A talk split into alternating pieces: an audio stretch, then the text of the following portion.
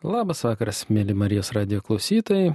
Su jumis vėl sveikinasi Mantvidas ir mes vėl grįžtame su laida Kas rūpi jauniems. Bandysime šiandien panagrinėti gana plačią temą, kuri labiausiai rūpi turbūt paskutinius 30 metų, būtent jaunesniems žmonėms, rūpi jaunesniems žmonėms ne tik ta prasme, kad ir vaikams, bet ir tiems jau vyresniems jaunesniems. Ir šiandien pas mus būtent, kad man pagelbėtų, studijoje yra Vytauto didžiojo universiteto mokslo paslaugų vadybininkė, docentė Judita Žukauskenė. Labas vakaras visiems. Taigi, Judita, mes šiandien truputėlį pakalbėsim apie inovacijas, apie inovacijas pasaulyje ir inovacijas bažnyčioje. Urbė torbė, taip sakant, bus toks mini inovaciškas. E, būtent inovacijos turbūt yra ko gero tas, ta pavara turbūt, kuri mus visą laiką stumia į priekį, kuri mus veda, tik tai kartais mes nenorime jos prisimti. Aš labai pamenu tokius įvykius, būtent labai dažnai yra sugretinami atvejai, kuomet buvo išrasta pirmoji elektros lemputė, kuomet buvo išrasta elektra. Tai yra stebuklas, kuriuo mes šiandien džiaugiamės, kuriuo, kuriuo mes vat, būtent ir šiandien galime kalbėti radio stotyje, kur galime televizorių žiūrėti, galime klausyti laidų, galime apsišviesti netgi namus, o kadaise tai buvo siaubas baubas pats baisiausias dalykas, kuris šimtų procentų jūs užmuš. Lygiai taip pat ir lemputė, kažkoks košmaras. Nu kaip, nu ne fakelas, o lemputė, kas per nesąmonę. Pamenu dar tai, jog pirmosios mašinos, kuomet važiuodavo gatvėmis, turėdavo iš jau iš anksto prieš jas eiti žmogus, ten tik neatsimnu tiksliai metrų, ar ten per 50 ar per 100 metrų su raudona vėliava, kad žmonės jau ruoštųsi, nes atvažiuoja automobilis, jau jis jūs išgazins. Tai buvo irgi pragaro kažkokia mašina. Netgi e, labai man patiko skaityti vieną apsakymą, čia būtent Antano Vienuolio buvo astronomas Šmukštaras toks ir būtent apie tai kalb, buvo kalba, jog tai buvo iš tikrųjų kaip ir išsilavinęs, įsimokslinęs žmogus, nors tas įsimokslinimas tai aišku buvo kaip ir vietinis, be universiteto, bet būtent ten yra aprašoma tokia situacija, kuomet e, šmukštaras išpranašauja saulės užtemimą ir atėjus į kaimą saulės užtemimui, visi kaimiečiai išsigasta ir kažkoks košmaras jiems pasidaro, visi slepiasi, lenda po stalais, lenda į triobas, kiti pasistatė šventosius paveikslus, pradeda toj pat melstis, nes jau galvoja, kad pragaras atėjo. Nu ir dar yra toks epizodas, kad atbėga viena vietinė gyventoja ir sako, Jėzau, Liuciperis, antikristas atvažiuoja pas mūsų karietą. O pasirodo, pro šalį kaip tik kuliamoji važiavo ir labai ten pušėdama garo, taip sakant, buvo toks. Tai e, iš tikrųjų e, inovacijos yra dalykas, kuris mus ilgainiui atveda į kažkur tais, atveda į ateitį, atveda į tas technologijas, į tą mūsų evoliuciją, bet skaudžiai. Mes kažkaip labai sunkiai turbūt priemame tas e, inovacijas. Kaži, ar galėtumėt man pasakyti, kaip Lietuvoje tos inovacijos pasitinkamos? Ar su džiaugsmu, ar ne? Jūs dirbate labai įdomų darbą, iš tikrųjų aš pirmą kartą, vat jūs sutikęs pirmą kartą išgirdau, tai, kad tai yra apskritai toks žmogus kaip mokslo paslaugus vadybininkė. Kas tai yra apskritai? Kaip tai susijęs su inovacijomis? Mokslo paslaugų vadybininkas yra tas žmogus, kuris padeda paprastam žmogui suprasti, ką daro mokslininkas ir kaip jisai gali būti naudingas visuomeniai. Tai va čia yra toks kaip pasakyti, įdomus pavadinimas, kuris reiškia labai paprastus dalykus.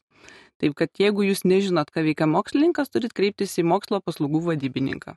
Ir jis jums paaiškins, kaip ir ką su kuo reikia valgyti. nu, jeigu taip žiūrint į tą patirtį, kurią aš pasakojau prieš 200 metų, tai turbūt sakys, kad ne, čia jau mums tokių nereikia, mums iš vis mokslininkai nereikalingi.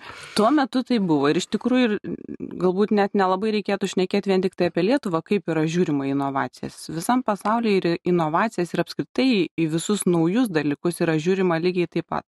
Visi yra gazdinantis, visi jie yra baisus, nepriklausomai nuo to, ką jie reikš po penkių ar po dešimt metų.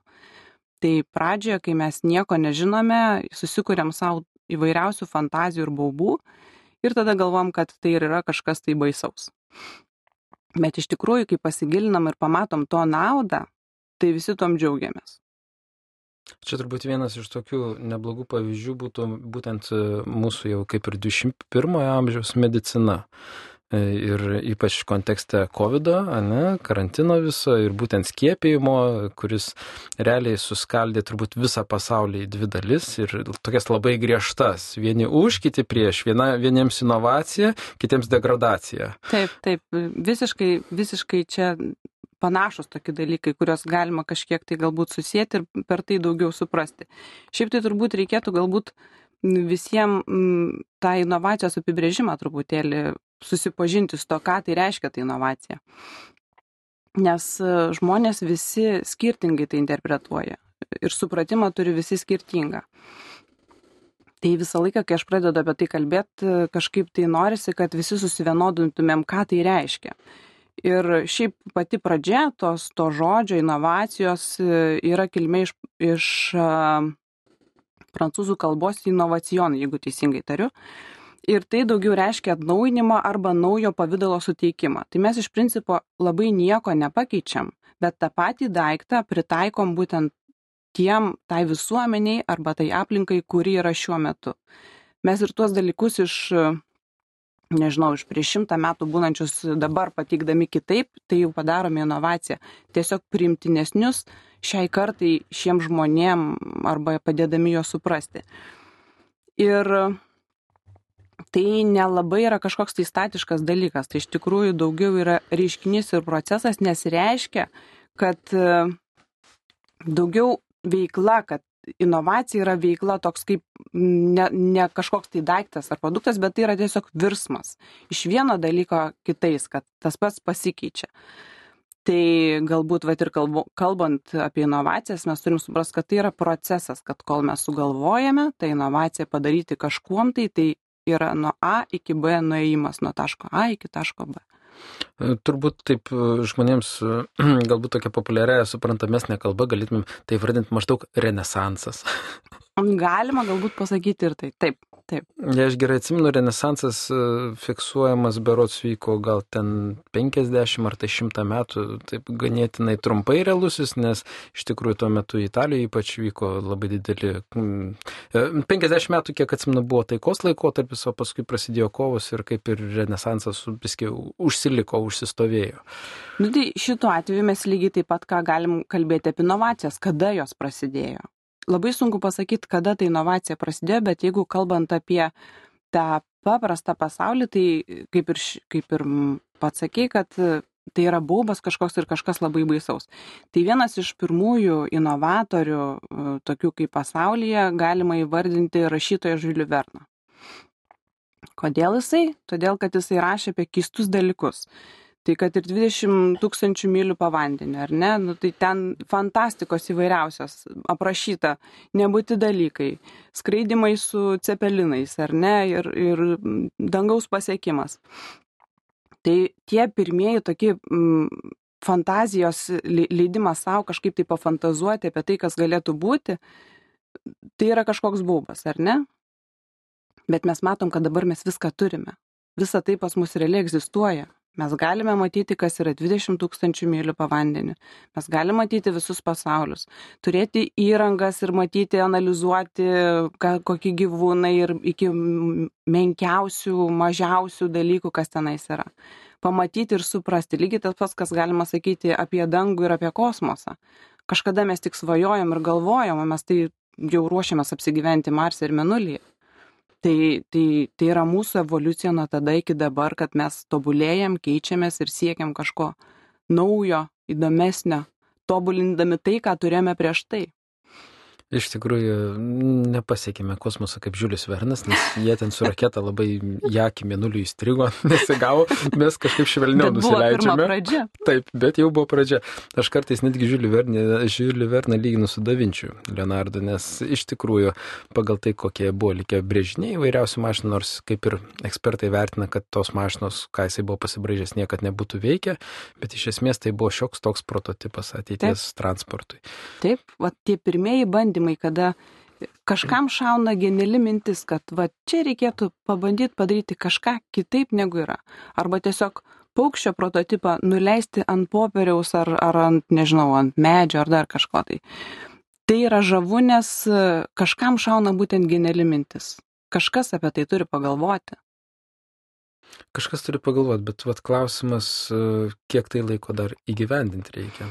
Va čia va dar vienas klausimas, kuris kartais užtrunka metus, kaip dabar, pavyzdžiui, žiūrime, ar ne, tarkim, internetas. Pradžioje jo nebuvo, tada jisai buvo labai lėtas, o dabar yra labai greitas ir visur. Ir jis vis dar greitėja ir keičiasi. Tai pradžioj užtruko ilgai, o dabar viskas keičiasi labai greitai. Kai įsivažiuoja, įsirėda, bet vėlgi kažkas turėjo tai sugalvoti. Kodėl kažkam prireikė tai sugalvoti? Ir dar žinoti, kurią sritimi vystyti, kurią Taip. pusę vystyti. Taip.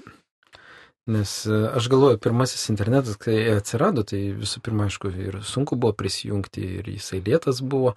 Ir, ir dar daug kam buvo. Ir dar net neaišku buvo, kam jį naudoti. Dar, dar atsimenu būtent kompiuterį su komandinė eilute ir galvoju, nu, okei, okay, turim internetą pajungtą, nu ir kas iš to, ką tu gali padaryti, nu kažką tai, kažkokią tai ten tekstuką mažiuką pasižiūrėti, kuris visiškai yra nepatogus skaityti ir viskas. Ganėtinai tai buvo sudėtinga. Bet iš tikrųjų mes jiem labai ilgą laiko tarpą iki tol.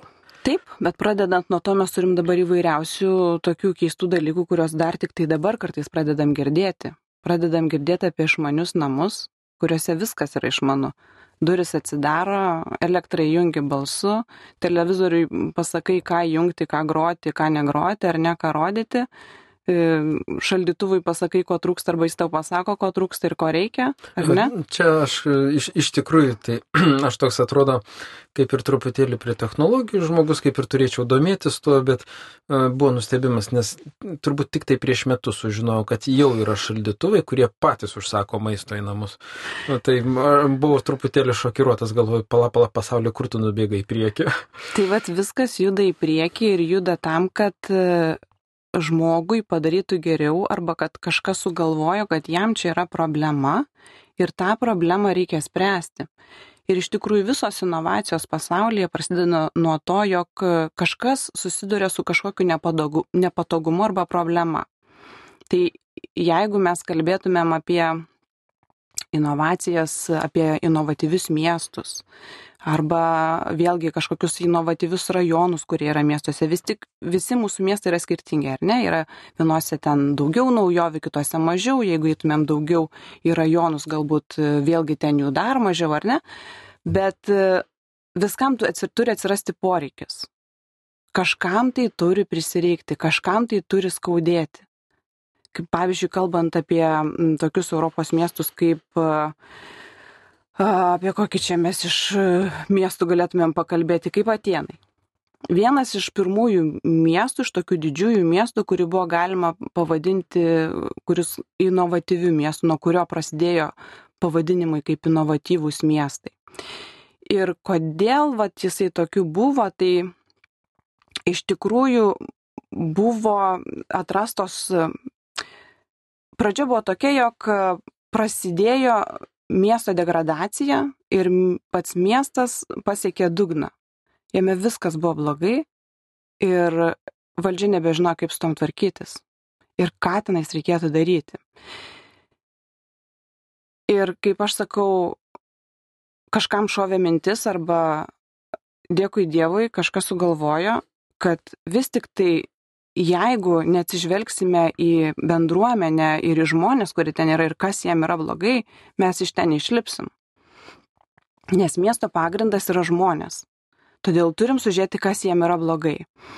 Ir ką jie padarė, tai pirmiausiai apjungė pagrindinės grupės žmonių, kurie galėtų padėti miestui. Tai buvo universitetai, tai buvo įmonės, kurie turėjo atrasti vietas, kaip padėti žmonėm ir kur jiem yra blogiausiai.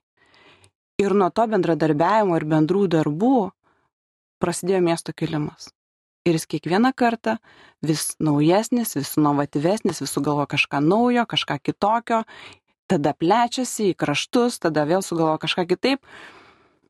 Tai nėra vieno žmogaus darbas. Kažkam turi ateiti mintis, kažkas turi tai suprasti, apsijungti Ir vėlgi inovacija yra kelių disciplinų sujungimas. Turi būti, kad ir pats internetas ar ne, arba kad ir kažkokios naujovės atradimas. turi būti, nežinau, kaip pavyzdžiui, medicina ar ne, turi būti ligonis, turi būti gydytojas, turi būti chemikas, turi būti biotehnologas, kas išras vaistus, kas žinos, kas skauda, kodėl skauda, kur skauda ir kaip visą tai pataisyti, kad atrastum tą vaistą. Ir visos inovacijos yra, lygiai, inovacijos yra lygiai tas pats. Visi skirtingos disciplinos apsijungia, padaro kažką nuostabaus, veikiančio ir padedančio pasauliui. Realiai inovacijos yra socialinės. Visokios, bet tai pritaikyta žmogui. Gali būti ir įmonėm, gali būti ir kažkam, bet šiaip tai yra skirta žmogui. Aš dažnai sakau, kad yra labai didelis kaip ir skirtumas tarp fiziko, tarkim, netgi galbūt profesoriaus ir santechniko realiai mes matome didelį skirtumą, bet puikiai matome, kad vienas be kito negali. Taip. Nes fizikas e, tikrai nežinos, kurioje vietoje reikia pragręžti vamzdį, tai yra grindis ir pravesti tą vamzdį ir pajungti tą klozetą, kur viskas, ką jis ten padaro, išbėgtų, o santechnikas tikrai nežinos, kaip patikrinti vamzdžių atsparumą ir slėgį vandens pareguliuoti. Tai, nu, tai yra žinos, bet kokiu principu tai daroma, jisai vis tiek yra per sudėtingas, tarkim, jeigu pagaminti būtent konkrečiai daiktą. Ir kad sugalvoti, kad viskas veiktų tose santechnikose ir visi nuolydžiai būtų, tai taip pat buvo nepaprastos santechniko darbas. O buvo kažko tai sugalvota mokslininko, greičiausiai fiziko. Tai be abejonės. Mano tėvukas amžinatelsi jau, jisai buvo kadaise Devinaušio namo Kaune kaip ir pirmininkas bendrijos. E, ir jam buvo labai įdomu, jisai būtent reguliavo šildymo sistemas, e, žiūrėjo, kodėl yra kažkokie tai nuotykiai, kodėl yra kažkur šilčiau, kažkur vėsiau. Ir pradėjo truputėlį aiškintis e, istoriją. Tai būtent išsiaiškino, jog būtent tie standartiniai, kur yra devynaukščiai visoje Lietuvoje sustatyti, jie turėjo vieną bendrą projektą, kurį paruošė Maskvoje esančio statybų instituto darbuotojai septyni ir kurie vieninteliai žinojo, kaip ta sistema turi veikti. Ir jinai buvo taip apskaičiuota, kad būtent visas, e, visa sistema turėjo e, tam tikrose vietose tam tikrą spaudimą, tam tikrą slėgį. Automatiškai, kur išbėga vanduo, automatiškai traukia jisai kitą. Ir pas visus prie radiatorių ten buvo pritaisyti kraniukai. Nu ir dabar po šiai dienai dar kur yra likęs radiatoriai, dar yra išlikę tie kraniukai.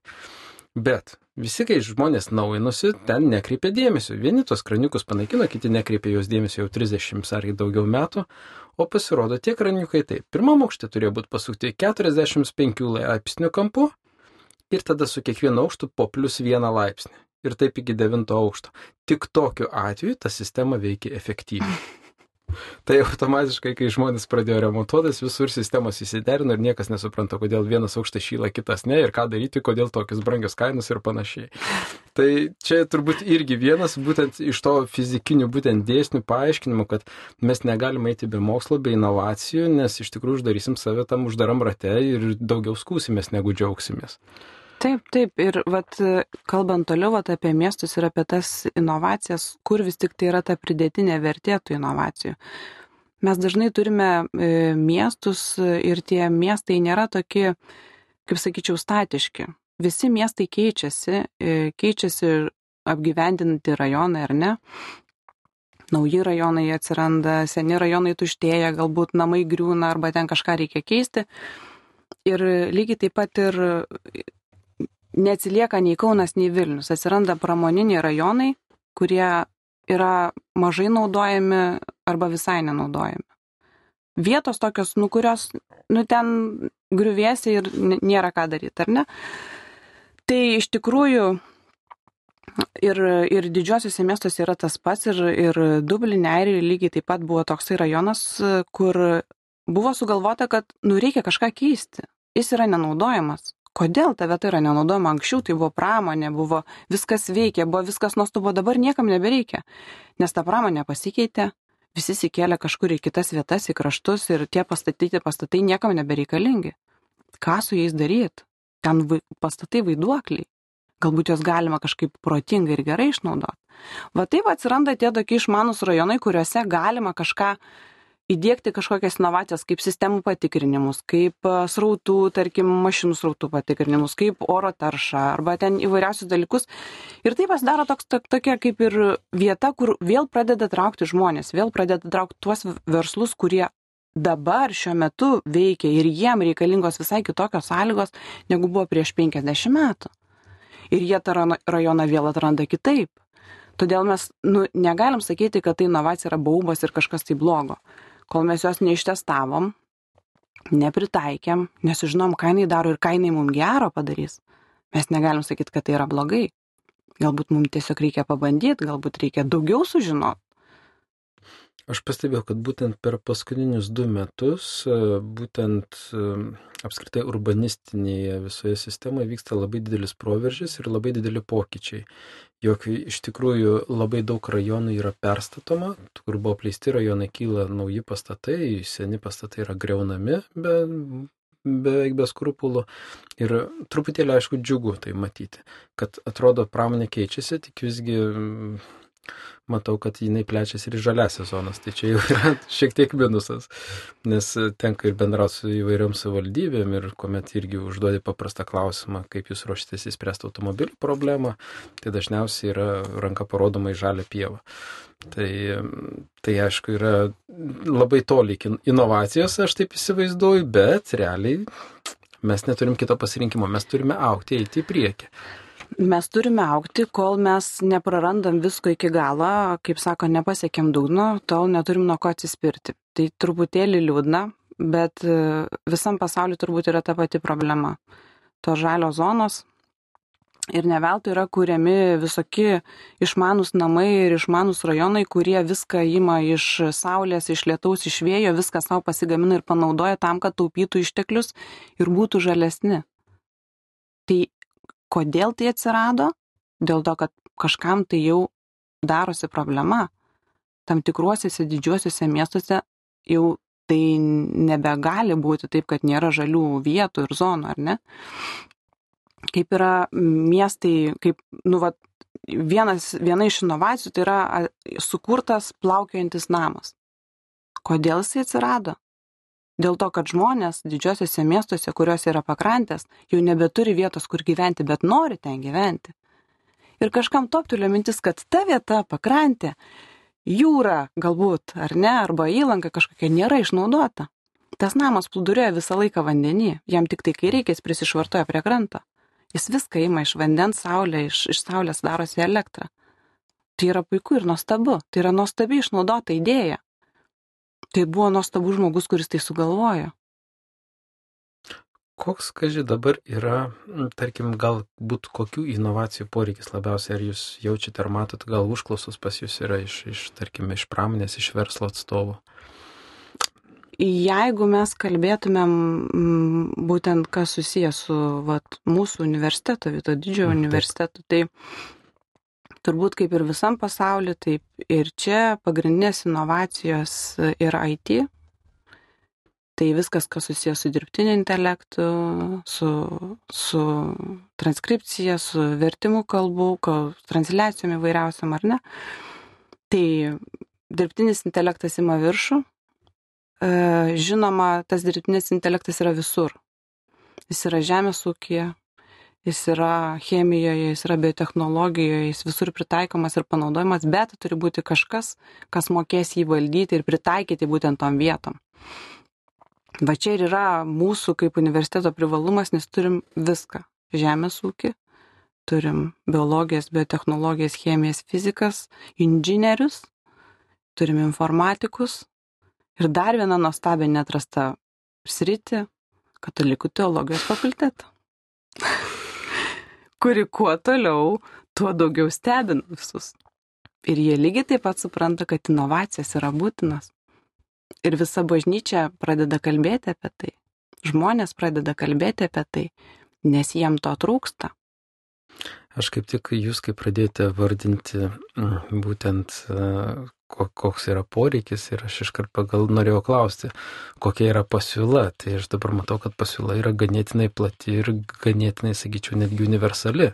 Taip. Labai plati ir iš tikrųjų galima pateikinti bet kurį, kaip ir kaip ir patį, nežinau, kaip čia pasakyti, konstruktą jau patį su, surinkti, taip sakant, nuo, nuo, nuo smulkiausio iki aukščiausio. Tik tai Dabar klausimas, va, pavyzdžiui, paminėjote teologijos fakultetą.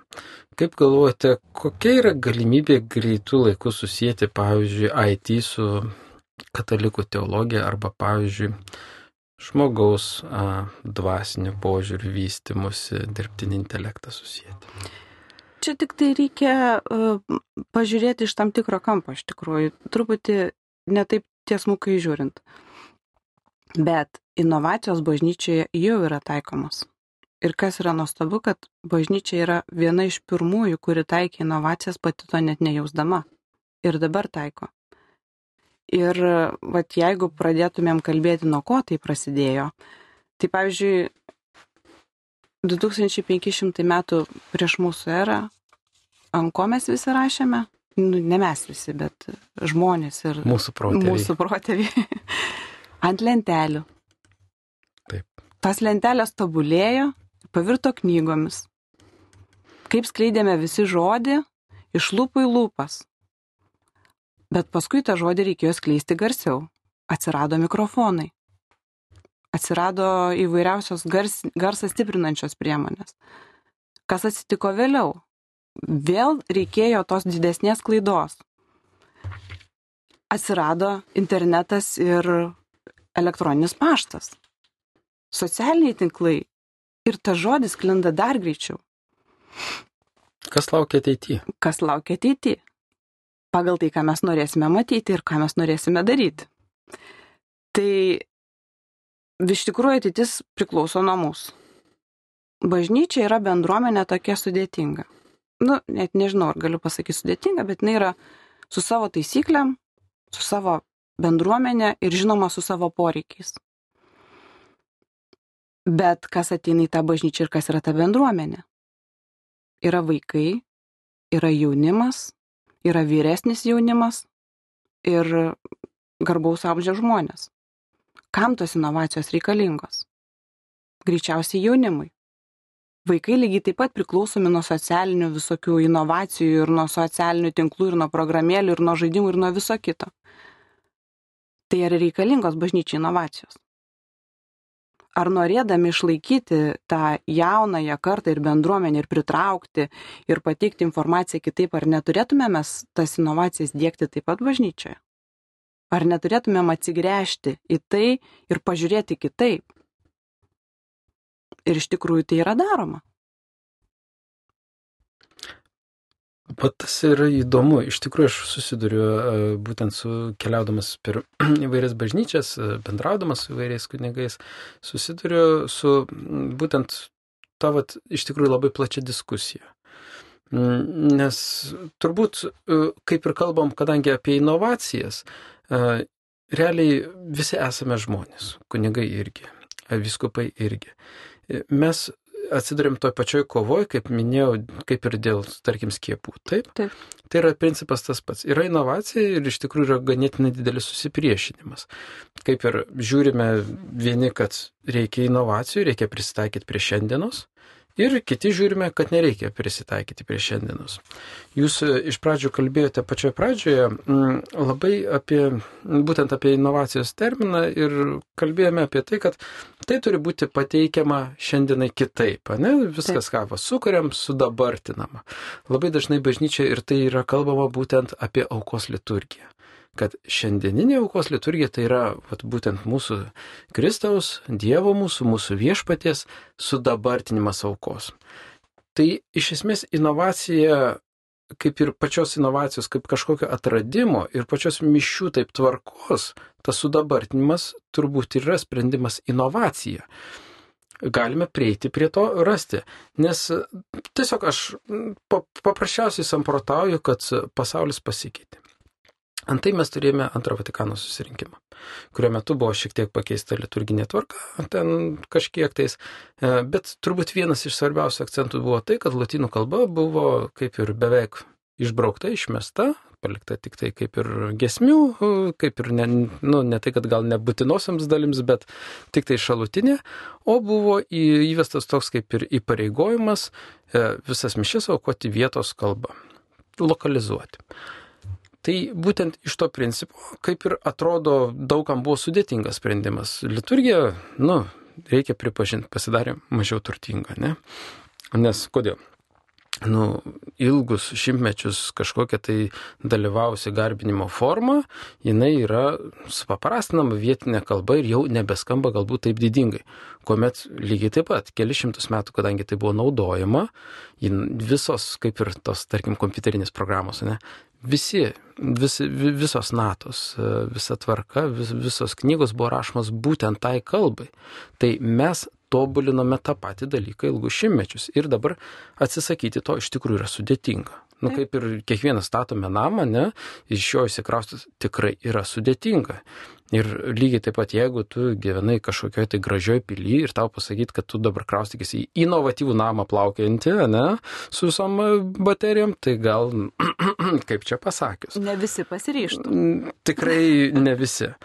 Tai aš ir galvoju, iš tikrųjų, bažnyčioje yra ta prieš priešą ir netgi sunku yra vertinti, ar tai yra sąstingis, ar tai kažko tais gelbėjimas. Aš tai galbūt taip e, stipriai e, neužsigriepčiau keičiant e, liturginę tvarką arba kad ir pačių mišių, tarkim, tvarką. Ne, nebūtina, mes neturime tai daryti taip drastiškai, jeigu tam nėra poreikio. Visi yra įpratę mišes turėti tokias, kokios jos yra. Ir šiaip jau per karantiną mes turėjom didelius pokyčius, kai mišios visos keliavo į transliacijas ir internetas, tas pats YouTube'as ir internetas tikimtiesiam, tai nebuvo tokia primtina forma. Mes visi tai dabar puikiai darom kaip išimtiniais atvejais, ar ne, kai, kai norime dalyvauti, bet negalime, kai neįleidžia į bažnyčią arba patys negalime ten eiti. Ir naudom net ir kitiem dalykam pasidalinti. Tai yra puiku, bet gal to ir užtenka. Aš Vat ir galvoju, galbūt tos inovacijos bažnyčia yra reikalingos tam, kad išplėsti galbūt veiklą, o ne tai, kad ją perkeisti, sudabartinti visiškai, nepaliekant nieko tai, kas buvo prieš tai. Taip, nebūtina visko greuti tam, kad turėtum kažkokią inovaciją. Galbūt mes turėkime inovaciją ten, kur mums jos reikia labiausiai. Kur yra didžiausia bažnyčios problema? Čia mano nuomonė. Žmonių išlaikymas ir pritraukimas tikinčiųjų išlaikymas ir pritraukimas į bendruomenės. Kaip jas pritraukti? Ar visiems tikrai bus mūsų jaunimui įdomu skaityti lotyniškai arba dalyvauti tradiciškai arba tiesiog susitikti ir melstis? Yra labai puikių dalykų dabar, kurie mažai žinomi tos pačios homilijos skaitimas ir programėlės, kai tu gali kiekvienos dienos skaitinius pasileisti ausinuku važiuojant mašinoje iki, iki darbo arba iki mokyklos arba iki universiteto. Tai naudojama lygiai taip pat ir tų pačių kunigų, kuriem reikia pasiruošti pamokslui. Tai yra puikia alternatyva ir puikia inovacija. Kaip ir mūsų bendruomenės prienuose vaikai, kur du ten ir trys. Jie turi susivedę savo giesmynus į internetą, giesmės visas. Tai ar ne puiku? Kam tų popierių, jeigu jie gali, jeigu jiem priimtiniau yra skaityti viską iš telefono. Nu puiku. Viską turi rankoje, viską turi vietoje. Ta pati Biblija telefone. Tikrai plačiai naudojama. Būtent aš galvoju, kad kartais yra, kartais toks gan tiesmukas prisirišimas prie kažkokių detalių, aš tik dabar aišku ne, nepaminėsiu koks, e, bet teko būtent sudalyvauti mišiuose, kurias e, kunigas aukojo iš Magnifikato knygelės vietoj mišiolo. E, ir iš tikrųjų tame problemos nebuvo, nes Dievo žodis paskleistas buvo. Bet kuriu atveju nesvarbu, kokia ta knyga, bendrai paėmus. Taip, žinoma, mes turime turėti autentiškus vertimus, autentiškus tekstus, viskas patvirtinta, ne? bet iš esmės, tarkim, mes ir turime juos patvirtintus, jau kompiuterizuotus, skaitmenizuotus tos tekstus. Problemos tame nėra. Įmant lygiai tuos pačius 2000 metų atgal, kuomet Kristus vaikščiojo būtent tarp mokinių, jisai kalbėjo. Tai buvo Dievo žodis jis ne, kažkaip tais nerašė specialių knygų, neanspaudavo ir nesakė, kad va, dabar tai jums bus, jei neskaitysit. Tuo metu sklido taip žodis iš lūpų į lūpas, iš tikrųjų, taip. tuo metu buvo vienintelė ta forma tokia perteikimo. Bet jeigu ir mes turime tą inovaciją, kuri kažkiek tai tobulina dabartį, tai nereiškia, kad mes turime tų knygų atsisakyti. Lygiai taip pat ir visoji kitoji visuomeniai yra elektroninės knygos ir yra paprastos knygos spausdintos, kvepiančios e, tuo kaip rašalu ir popierium ir tikrai daugam mėla tai daryti ir tikrai ne visą laiką žmonės renkasi tą elektroninę priemonę. Lygiai taip pat ir čia. Bet kažkam tai yra patogu ir tai yra nuostabu. Kadangi dirbu aš dar ir viename laikraštyje, Tai e, yra tiesiog džiaugiuosi, kad turiu galimybę dar atlikti vieną socialinį eksperimentą. Tai būtent, ką reiškia knygos ir laikraščio, kaip ir pozicijos šiandieninėme pasaulyje. E, iš tikrųjų, žinome, kad skaitimas mažėja, laikraščių skaitimas dar labiau mažėja. E, tuo labiau per paskutinius metus vykęs tikrai žmonių su žiniasklaida supriešinimas. E, kuris, tarkim, iš dalies yra, galbūt tiesos tame yra, bet iš tikrųjų dar, aš manau, kad jis buvo neteisingas ir manau, kad tai buvo padaryta su intencija, žmonės, kad žmonės mažiau šviestusi, mažiau skaitytų, mažiau domėtųsi, būtų lengviau jais manipuliuojama tiesiog. Tai galiu pasakyti, kad e, atrodo laikraščio skaičiai kaip ir traukiasi pamažu, bet jie nenyksta, nes vis susidurėm su ta refleksija, kad mums reikia popieriaus. Taip. Taip. Ir gerai, yra, žmonių, yra internetas, yra televizorius, yra gerai, mes įsijungsim, paklausysim, bet noriu prie kavos padelio laikraščių. Ritual. Noriu šiaip atsiversti. Vat noriu, kad ant stalo gulėtų popierius. Nu vis tiek, vat patogiau įmi pavartai, pavartai kažką tais. Ir būtent aš, kai žiūriu apie inovacijas, mes irgi, tarkim, turime tą patį, e, kaip ir kompiuterinę erdvę, internetinę erdvę, būtent to pačio laikraščio sklaidai. Bet mes ją naudojam papildomai, tik papildydami tą popierių. Taip. Nes pereiti į kažkurį vieną neįmanom. Svarstėme, gal iš tikrųjų jau verta atsisakyti to popieriaus, nu, kaip ir nuostolinga, kaip ir čia visiems nereikia, visi taip kompiuterizuoti, bet realybė yra kitokia. Žmonėms reikia ir pagrindo po kojomis. To pačio, ant kurio jie užaugo, o kas įdomiausia, kad ir kai kuris dar jaunimas ateina pas mus, dar kaip tik gimsta tik tai tam popieriui. Ir iš tikrųjų gaunasi toks labai gražus papildymas, kai mes galime apriepti abejus. Žinoma, tai yra sudėtinga, kuomet prieiname prie kartų karo. Turinys reikia pripažinti vienoks yra jaunimui, kitoks Taip. yra vyresnio amžiaus žmonėms. Nu, ką padarysi? Iš tikrųjų, pati patirtis yra skirtingos, skirtingai mastome. Ir iš tikrųjų tai, kad jaunimas eina inovacijų sritimi, aš kaip visada sakau, tai yra puiku. Ir kuomet yra kalbama apie tai, kad kažkokia ten bloga karta, net ten X, Y, Z, tai kartos kažkoks, va šita tai jau karta viskas, jau nešta ir pamesta. Niekada aš to nesakau, nes taip nėra. Nes kiekvienas prisiminame save jaunystėje, mes turėjom kiekvienas po inovaciją. Po kažkokią inovaciją. Ir kai mes vat, buvom nuo 18 maždaug iki 25 metų, mes galėjom kalnus nuversti. Ir mes vertėm juos. Ir darydavom visokių nesąmonių, taip sakant, prisidirbdavom mane, atkentėdavom. Bet mes taip ir užaugom. Bet būtent visos inovacijos pasiekiamos, kuomet tu esi imlus tam, kaip tu nori eiti, nori daryti. Nori bandyti, nes tai Taip. gimsta tik per bandymus ir per suklydimus. Taip, bet toks yra procesas natūralus, koks, koks yra. Ir vat, pratesiant apie tą poreikį bažnyčiai, mano nuomonė pati jautriausias rytis, kurie mažiausiai yra paliečiama. Mes turim kunigus, kurie gali naudotis tom, kurios dabar yra inovacijos, mes turime E, jaunimą ar ne ir galbūt kažkiek imlesnius jaunesnius, tačiau patys mažiausi, kurie naudoja lygiai tos pačius telefonus ir kas susijęs su religija ir tikėjimu, jie nieko neturi. Ką mes galim pateikti savo mažiausiam telefone, kas būtų susijęs su katalikiniu turiniu? Ar galim pateikti spalvinimo knygutę arba spalvinimą pirštų su angelėliais ir Dievu ir Marija? Mes nieko neturim kažkiek yra užsienyje, kažkiek, bet Lietuvoje tai yra toks trūkumas ir tai mato pakankamai nemaža dalis žmonių. Ir aš tikiu, ir vad, kai buvo Katalikų teologijos fakultete pirmoji konferencija apie inovacijas bažnyčioje, žmonės kalbėjo, kad mums reikia to, mums trūksta.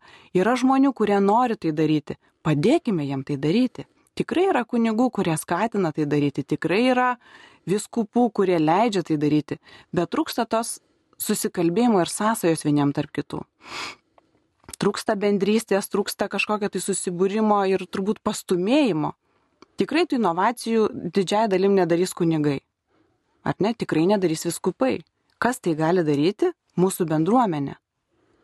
Tas pats mokytojas, kuris ateina į bažnyčią, tas pats e, muzikos mokytojas, arba tas pats dailininkas, arba tas pats informatikas. Visa tai yra tie žmonės, kurie ir kuria, tai susijungia ir būdami kartu, matydami, kad jų vaikam kažko trūksta ir norėdami, kad jie tenais būtų. Tai mes turime juos palaikyti, atrasti ir skatinti. Iš tikrųjų, aš šito būtent mūsų bažnyčioje e, ir pasigendu e, kažkokio tokio vat, bendro varatinklio, kažkokios tai kažkokio tai konstrukto, kad mes visi galėtumėm dirbti viename brandolyje. Taip gaunasi, kad vienas kunigas vienas sugalvoja, vienas viskupas kitas sugalvoja, pasaulietis sugalvoja trečią, teologas ketvirtą ir daugmaž, kai jiems reikia kažką padaryti, paaiškėja, kad kiekvienas savo turi ir dirbti.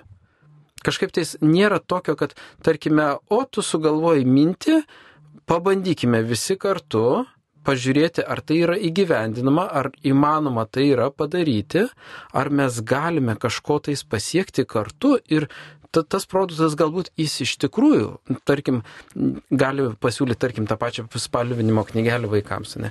O kodėlgi ne katalogas ir vyresniems vaikams, tarkim, su kažkokiam užduotim, su kažkokiais su tai tekstais. Taip, pačiam telefone ar kompiuterį. Būtent.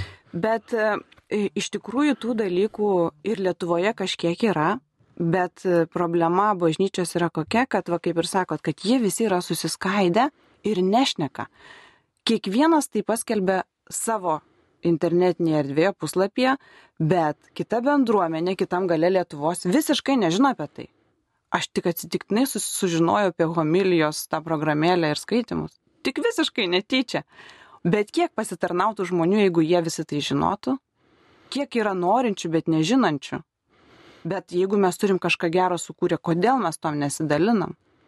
Tikrai taip, nes aš netgi galvoju, tų programėlių tikrai dabar jau yra įvairiausių sukurta, bet jeigu tu nori, pavyzdžiui, A, kaip ir a, toks variantas Google Play, ne, yra, tarkim, paieška programėlės, matematika, ne, kalkuliatoriai, tu randi, na, nu, ten užrašinės, ne, kažkokios tu randi.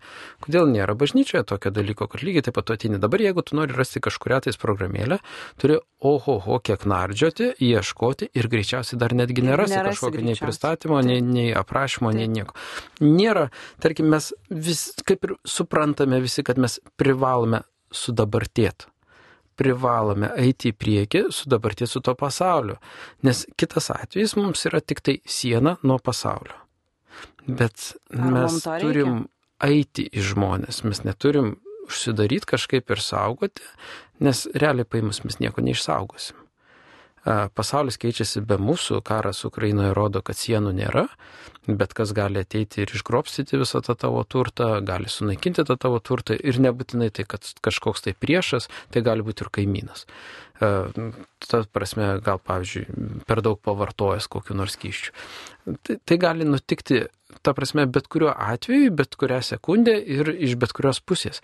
Ir realiai mes neturime nuo ko saugotis, mes negalim nuo to apsisaugoti. Mums reikia eiti su inovacijom, bet tam, kad eiti inovacijoms, mes turim turėti kažkokią kryptį. Dabar yra toks maždaug, kaip suprantu, požiūris, kad, o, nu, jūs turite idėjų, kurkit.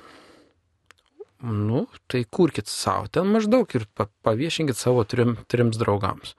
Vat, va tiek. Va kad tai būtų kažkokia, tarkime, kažkoks tai, nežinau, vienetas vienas, kur, tarkim, tikrai būtų didelis aparatas, kur galėtų visi prisijungti. Nu, nesusidūriau aš su tokiu ir net negirdėjau, kad toks egzistuotų. Aš atsimenu būtent e, studijų teologijos fakultete metu, e, mes netgi su kolegomis studentais e, lygiai taip pat diskutuodavom, o kas po diplomo. O ką mums veikti. O, iš, vien, iš vieno visko aš gavau atsakymą. Sakė, gavai diplomą ir čiuošką aplink save ir skelbk Evangeliją. Tai sakiau, nu, mielasis, ne dėl to aš vargstu, ne dėl to aš savo smegenis skaitinu ir ne dėl to aš taip myliu dievulį, kad tiesiog išeičiau ir kalbėčiau šeimai, kuriai aš ar taip ar taip kalbėsiu. Aš ruošiuosi tam, kad aš skelbčiau dešimčiai žmonių, dvidešimčiai, penkisdešimčiai, o gal ir daugiau. Ir ta pati programėlė, vat, minėjote, kur du ar trys e, būtent bendruomenės sukurta gesmių programėlė. Kodėlgi ne, ten tų gesmių yra, dabar neatsimenu, paskutinį kartą žiūrėjau, buvo virš pusantro šimto. O kiek mūsų bendruomenė apie šitą programėlę žino? Įdomiausia tai, kad jinai buvo netgi pristatyta čia Marijos radijos studijoje. Bet kiek žinančių yra apie ją? Bet vėlgi klausimas, kur mes ieškom tos informacijos. Vadinasi, turi būti kažkokia tai bendra informacijos duomenų bazė, kurioje mes galėtumėm gauti. Ne tik gauti, bet ir kurti. Galbūt, tobulinti. galbūt užtektų tik tai nuvažiavus kitiem pasidalinti ir pasigirti ir apvažiavus Lietuvą tiesiog pasakyti visiems, o galbūt išdalinti barkodukus ar pakabinti bažnyčią, kur jie galėtų rasti. Tai. Būtent aš apie tai ir kalbu, kad turi būti kažkokia bendra sistema, jeigu mes norim eiti į priekį. Nes čia, žinot, lygiai taip pat kaip ir klotai. Susėda dešimt ir klotojų į, į kanoją, tarkim, ne, ar bet kur, ar į baidarę, ar į valtinę. Nu, ir klokim, kiekvienas kur norim. Bet aš manau, kad viskam turi ateiti pradžia ir kažkoks tai postumis. Čia ir yra pradžia.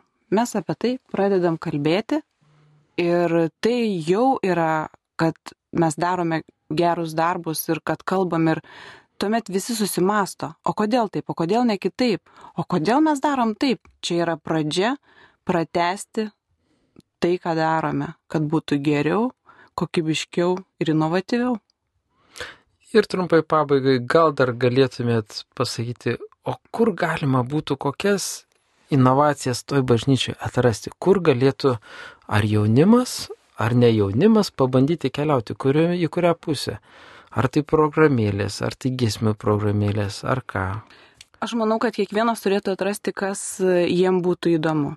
Galbūt tiesiog lei, reiktų leisti jiem, kaip sakau, pabrainstorminti ir pasidalinti mintiem, o ką jie norėtų tenais matyti ir ką jie norėtų daryti.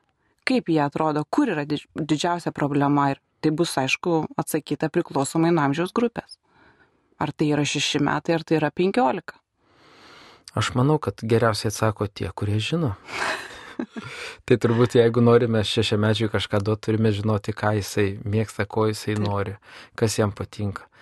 Nes aš lygiai taip pat, tarkim, ar vesdamas kažkokius kursus, ar ką aš paminiu, svarbiausia išgirsti.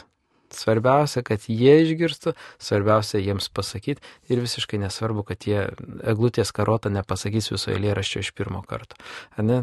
Maldos irgi galbūt ir nepavyks išmot, gal jiems yra per sunku. Bet jie žinos, kad mes ne vieni bent jau. Kągi, mėly klausytojai, štai yra tie mūsų laidos pabaiga. Labai didelis jums dėkui, kad buvote kartu. Labai tikimės, kad tos inovacijos nesustos pas mus ir keliaus į priekį ir keliaus visais varomais ratais, o ne vienu, vieną padangą tuščią. Ar, ir, ir paskui dar į priešingą pusę kur nors. Ką Judita dar galėtumėt palinkėti klausytojams? Aš norėčiau palinkėti visiems, kad e, nebijotumėm tų naujovių ir nebijotumėm patys būti drąsus ir kalbėti apie tai, ko mes norėtumėm ir ko mums reikėtų. O galbūt net pasieškoti draugo, kuris padėtų tai gyvendinti. Didelis jums dėkui. Gerą vakarą, mėly klausytojai. Gerą vakarą visiems.